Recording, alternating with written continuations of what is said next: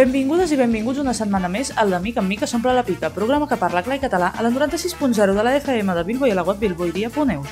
En el programa d'avui, la Clara ens porta un reportatge sobre la salut mental. I per finalitzar el programa recordarem els freds de Parets de Mullo a l'embruix de les tradicions. Sense més preàmbuls, comencem amb el programa d'avui.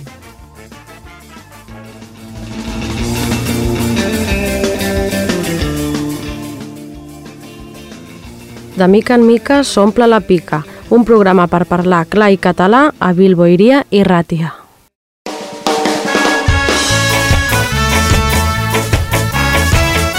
Un cafè amb Clara Garcia.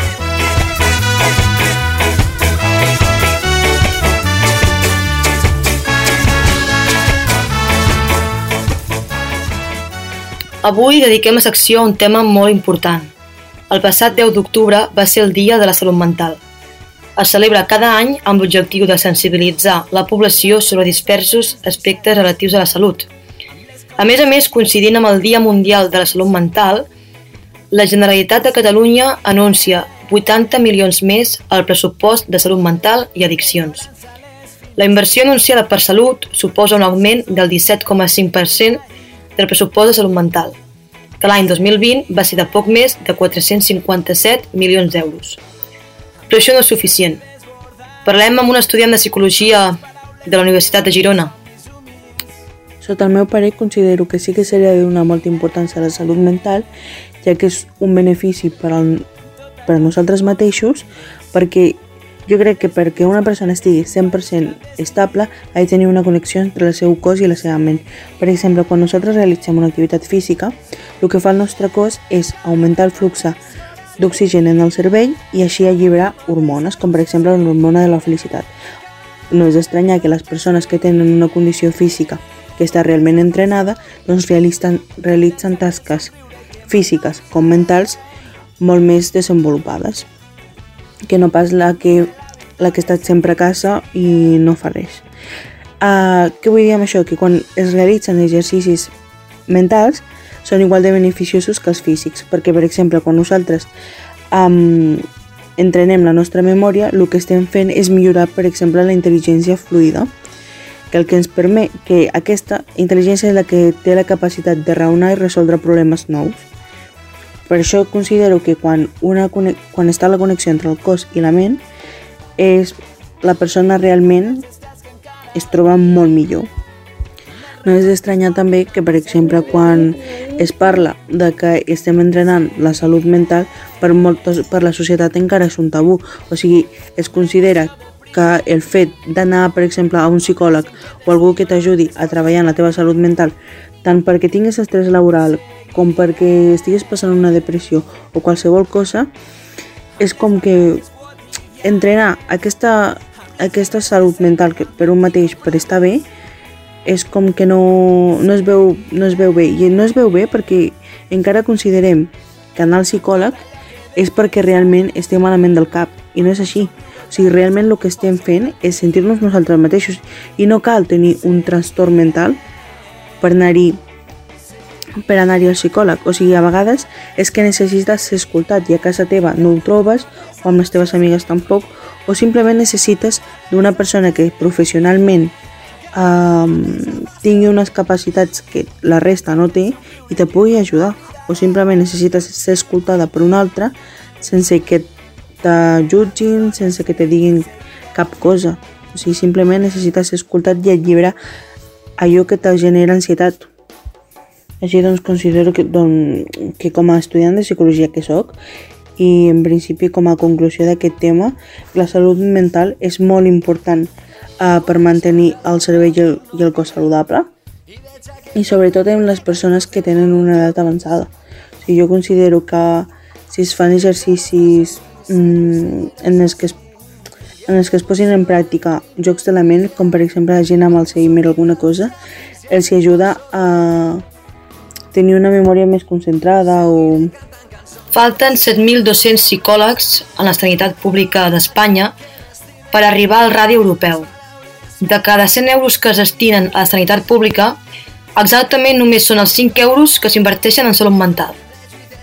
La salut mental fa anys o anys enrere eh, era molt més tabú del que és avui dia, ja que abans mm, ningú explicava que anava al psicòleg per X motiu, ningú, ningú ho deia, no, no es parlava, era un tema que, que era un tema tabú a la societat, no? El que anava al psicòleg era que, que estava boig o, o, o qualsevol cosa similar i, i, i al final jo crec que el fet de que sigui ara menys tabú i es parli moltíssim, jo crec que també les, les redes socials han tingut molt a veure, ja que els joves som els que consumim més redes socials i, i té la seva part bona i la seva part dolenta, però sobretot la part dolenta és que la gent es creu amb el dret de, de, de criticar i, i dir tot el que, tot el que pensa i d'insultar i de moltes coses que una, una persona que, que ho llegeix de, darrere una pantalla potser no, no és capaç d'assimilar o, o capaç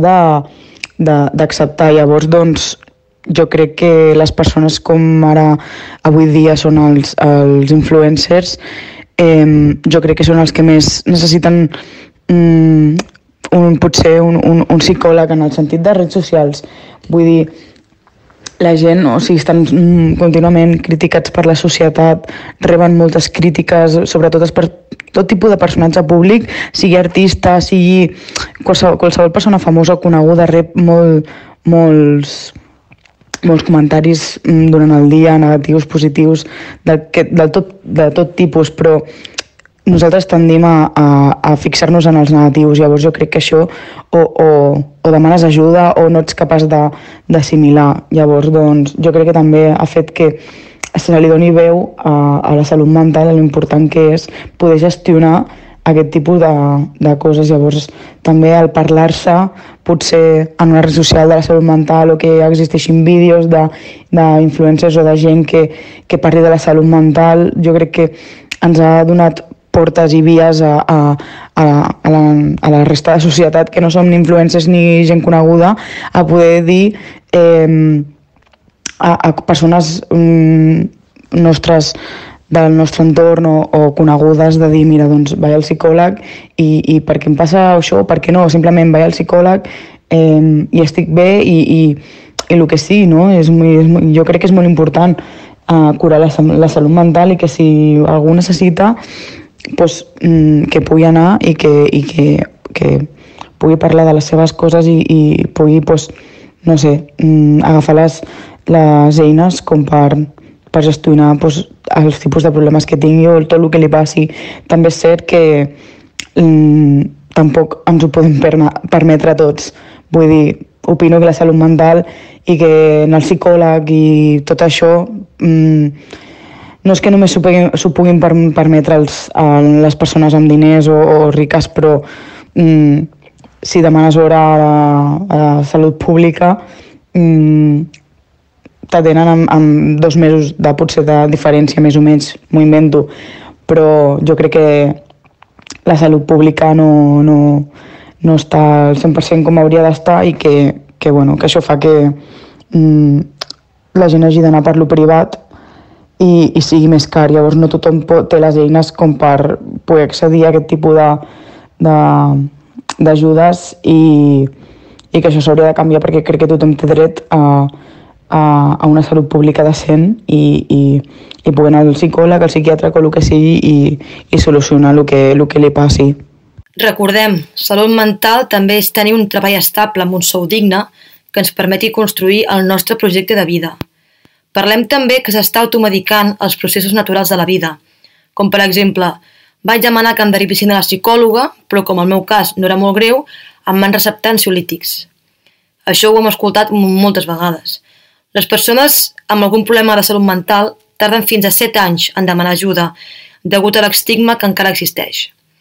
I, per desgràcia, amb l'augment de l'ús de les xarxes socials, aplicacions com Instagram, també es converteix en una causa molt important – Parlem amb la Carlota, dissenyadora gràfica que utilitza l'aplicació de manera diària i també de manera professional per la feina a la que es dedica. Doncs, no sé, jo opino que eh, hi ha moltíssima, o sigui, cada vegada està augmentant els problemes mentals entre els joves, sobretot per, per causes de, de xarxes socials que t'ensenyen vides perfectes i, i és com que no ens podem conformar amb una vida normal, jo que sé, com la que han tingut els nostres pares, sinó que només veiem a gent que, que té molts diners i que compleixen els seus somnis i, i que la seva vida és fantàstica, no? I això ens, ens posa unes metes completament impossibles i no sé, els, els nostres pares abans es conformaven amb, amb molt menys, però no com algo negatiu, perquè sempre s'ha de ser inconformista, no? Però, però sí que és veritat que eren feliços amb molt menys i a lo millor tinguin una feina més normal i una caseta més, més humil ja, ja es sentien complets, no? Però nosaltres sempre volem més i aspirem més i això crea moltíssimes enfermetats i mm, depressions, ansietats, moltíssim, moltíssimes coses, llavors haver de, haver de quadrar no? amb, amb els estàndards de bellesa, a la vegada treure les millors notes, a la vegada tindre diners, a la vegada tindre una vida super interessant i super activa, viatjar aquí, anar a caminar allà, fer exercici. Jo crec que els nostres pares no tenien aquestes pressions que ens hem posat nosaltres i, i res, que a sobre és com que cada vegada hi ha més problemes però ningú en parla, jo que sé, és, està demostrat que les xarxes socials creen depressions i ansietat, entre moltes altres. I tot i així és com la nova normalitat tindrà algun problema d'aquests i no està tractat. A més, és que a sobre és ultracar que, um, tractar-se i tindrà un psicòleg o un expert en el tema i, i és com molt complicat, no sé, a més està fa vergonya no? dir que vas al psicòleg i després la gent et tracta de que tens un problema super sèrio i a lo millor sí tens un problema super sèrio però no ets raro ni ets menys per tindre'l. El sistema fracassa quan el suïcidi ja és la primera causa de mort amb els joves, perquè parlar del suïcidi també és començar a prevenir-lo. Si seguim parlant de dades, més d'un milió de persones al país presenten un trastorn mental greu. Dos milions de joves d'entre 15 i 29 anys han presentat símptomes de problemes de salut mental durant l'últim any. Darrere d'aquestes dades hi ha persones que podrien ser els teus pares, els teus germans i els teus amics. I no s'ha d'oblidar. Segons les dades del Departament de Salut, amb el cas dels adolescents, els trastorns alimentaris han augmentat un 25% al 2020 comparat amb un any enrere i les temptatives de suïcidi han pujat un 27%. Jo crec que la salut mental és un tema molt important, del qual encara no es parla el suficient i que hi ha molta desinformació sobre el tema. També crec que, per exemple, en els joves, um, els recursos econòmics que tenim no ens poden permetre a vegades poder assistir a una teràpia continuada ni poder anar a un psicòleg, perquè al final la seguretat social el que t'ofereix no és suficient com per poder ajudar-te de veritat i que socialment a dia d'avui encara segueix sent un tabú, que la gent no diu amb la mateixa facilitat doncs avui vaig al dentista que avui vaig al psicòleg, perquè la gent encara té por a que la gent la jutgi i al final és salut. I que tot el que ha estat passant amb la pandèmia també ha sigut un canvi molt gran a la vida de moltes persones i que no tothom ho ha sabut gestionar de la mateixa manera. I també crec que per una part ha sigut positiu, ja que la gent ha començat a parlar més de la salut mental, però per una altra part ha sigut algo molt negatiu per moltes persones. I hi ha gent que a dia d'avui encara no s'atreveix a demanar ajuda, però que a poc a poc sembla que es va parlant més del tema, eh, els medis de comunicació li donen la importància que de veritat hauria de tenir i que socialment, a poc a poc, a passos molt petits, es va veient com un petit canvi. Però jo crec que aquest canvi ha de seguir siguin encara molt més gran perquè no es pot estar bé fora si no estàs bé amb tu mateix. I salut mental és una prioritat i s'hauria de poder celebrar cada dia només per tal de visibilitzar la importància que té i deixar d'estigmatitzar algú que és el nostre dia a dia. Per últim, us deixo un nom de podcast a l'Spotify que parlen sobre temes de salut mental i com gestionar alguns problemes de la nostra vida quotidiana. Tenim el compte Entiende tu mente, podcast de Molo Cebrián, que tracta des del coneixement científic a que aprenguis a conèixer-te millor com a persona i gestionar situacions que et sobrepassin. Tenim també el compte Mundo Psicólogos d'Instagram, que resol problemes que alguna vegada d'una forma o una altra ens ha preocupat, ja sigui com podem posar límits de manera saludable o com podem resoldre una situació que ens estressa. Tenim també el podcast de Patricia Ramírez, que tracta una mica més en relaxació i psicologia positiva. I per últim recomano el podcast Que sí puedo hablar. Fins aquí la meva secció Ens veiem a la propera. De mica en mica s'omple la pica, argi eta katalanez hitz egiteko saioa Bilbo iria irratian. L'embruix de les tradicions, amb el Ball Morell.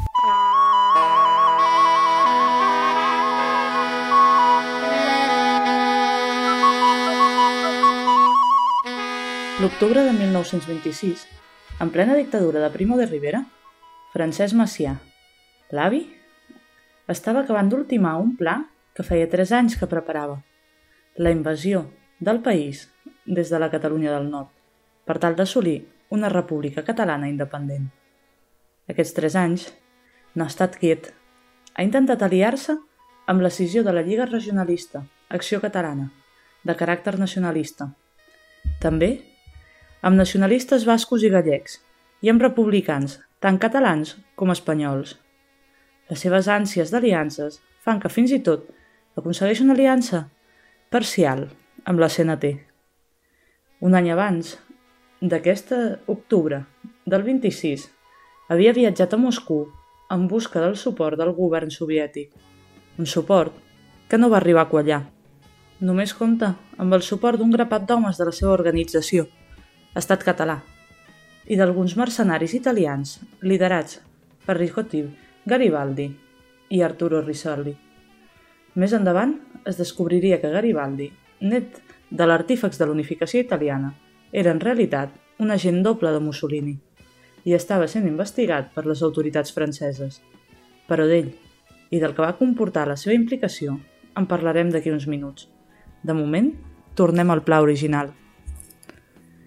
Veient-se sense suport, Macià decidí tirar pel dret, amb les paraules «He decidit, en ferm i al marge de tot el que puguin fer els nostres aliats, portar a terme quelcom nosaltres sols, que encara que no asseguri la llibertat, almenys ens farà quedar en un lloc ben digne.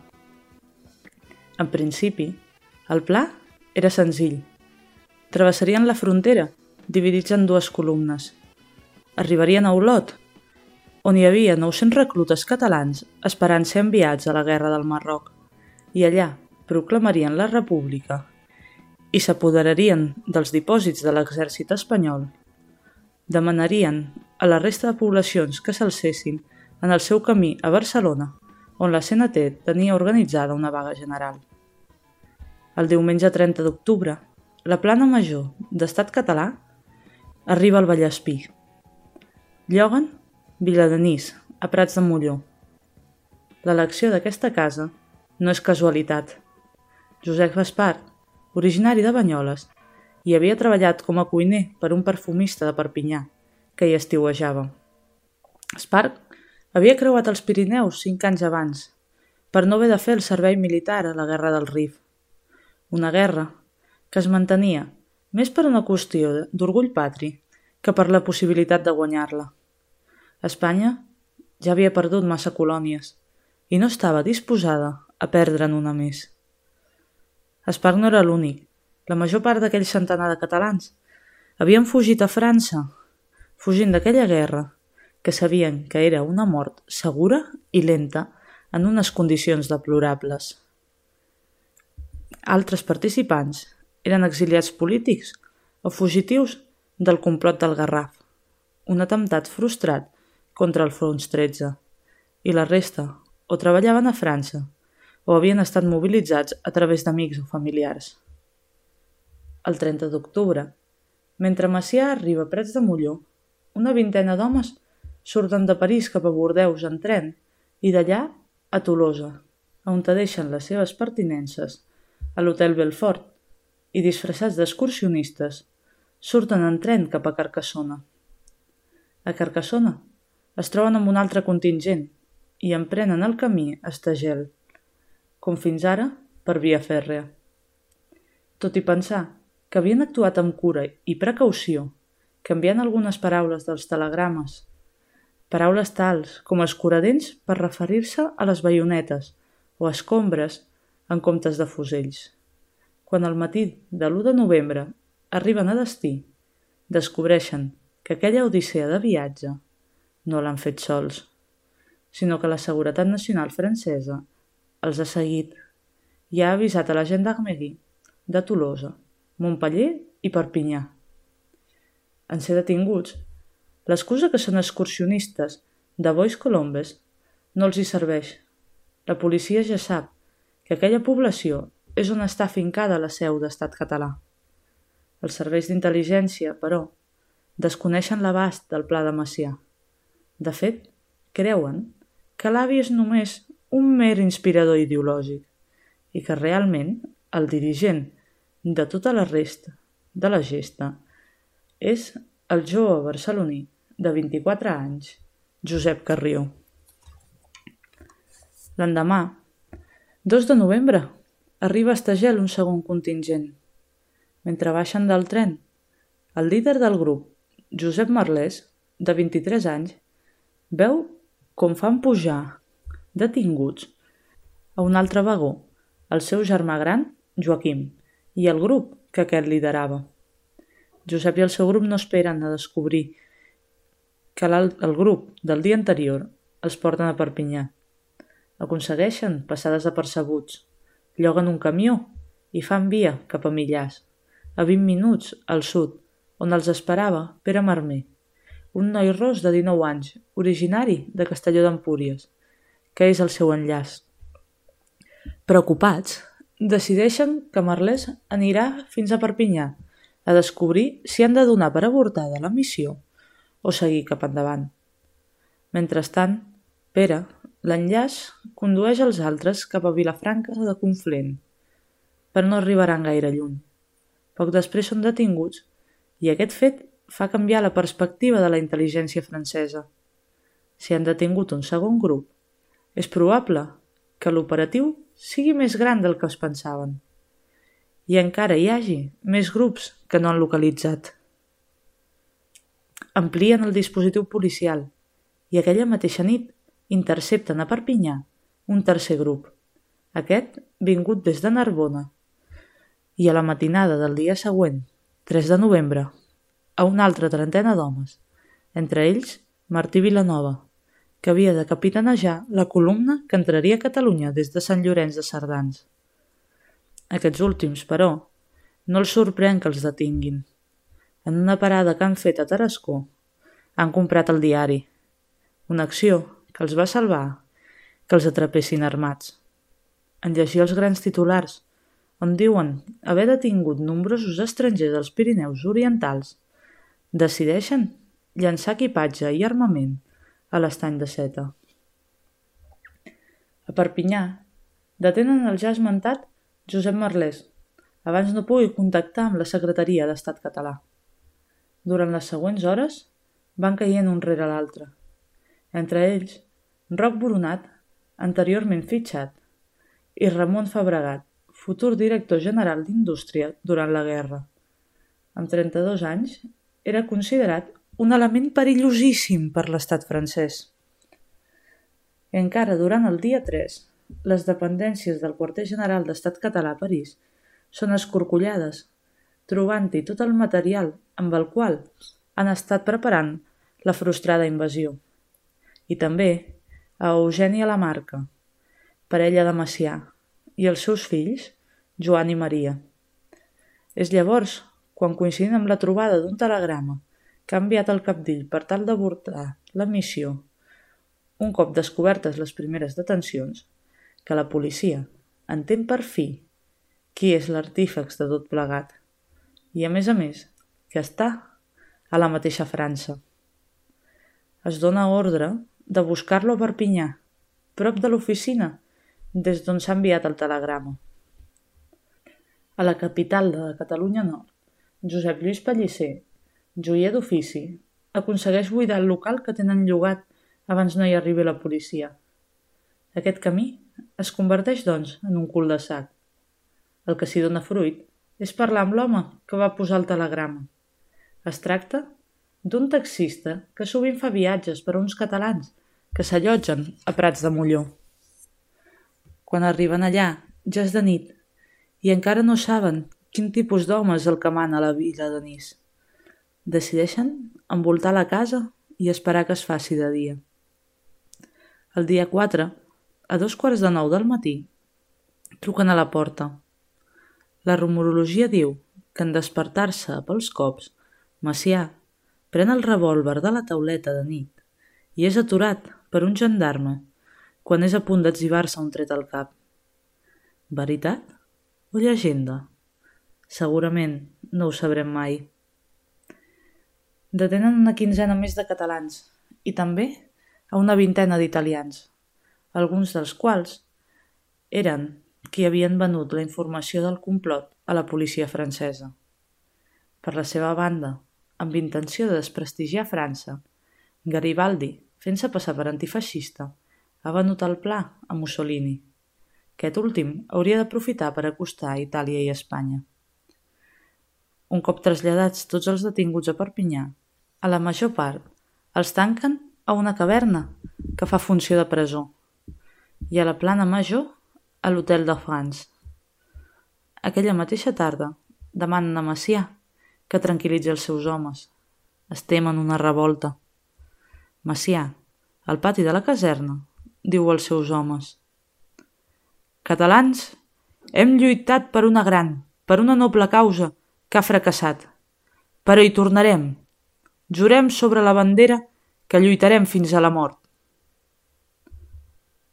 El 20 de gener de 1927 va començar el judici dels fets de Prats de Molló, que va situar el focus mediàtic en la dictadura de Primo de Rivera, en Catalunya i en les aspiracions de llibertat del seu poble.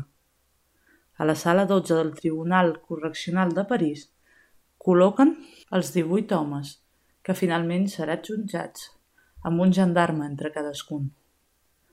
El judici va ser tan polític que es va crear un manifest en suport als conjurats catalans i va rebre suport de la premsa del País Gal.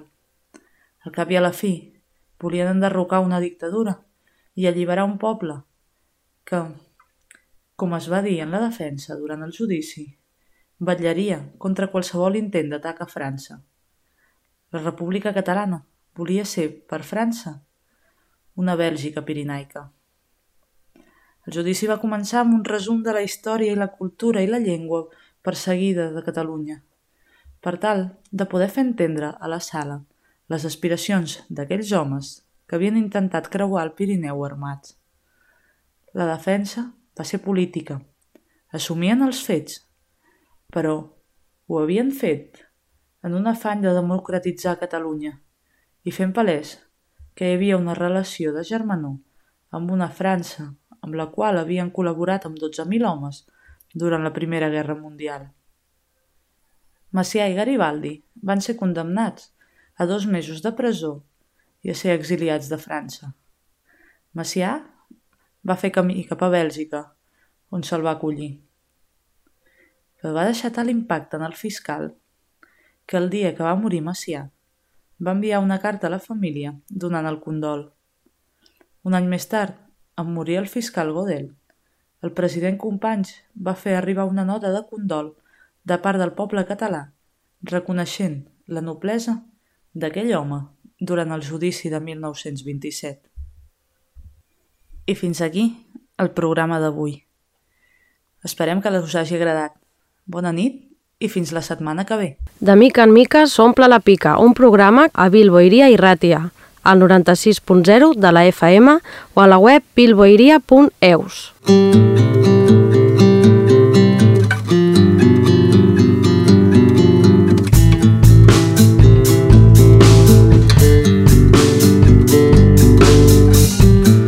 esperant assegut ha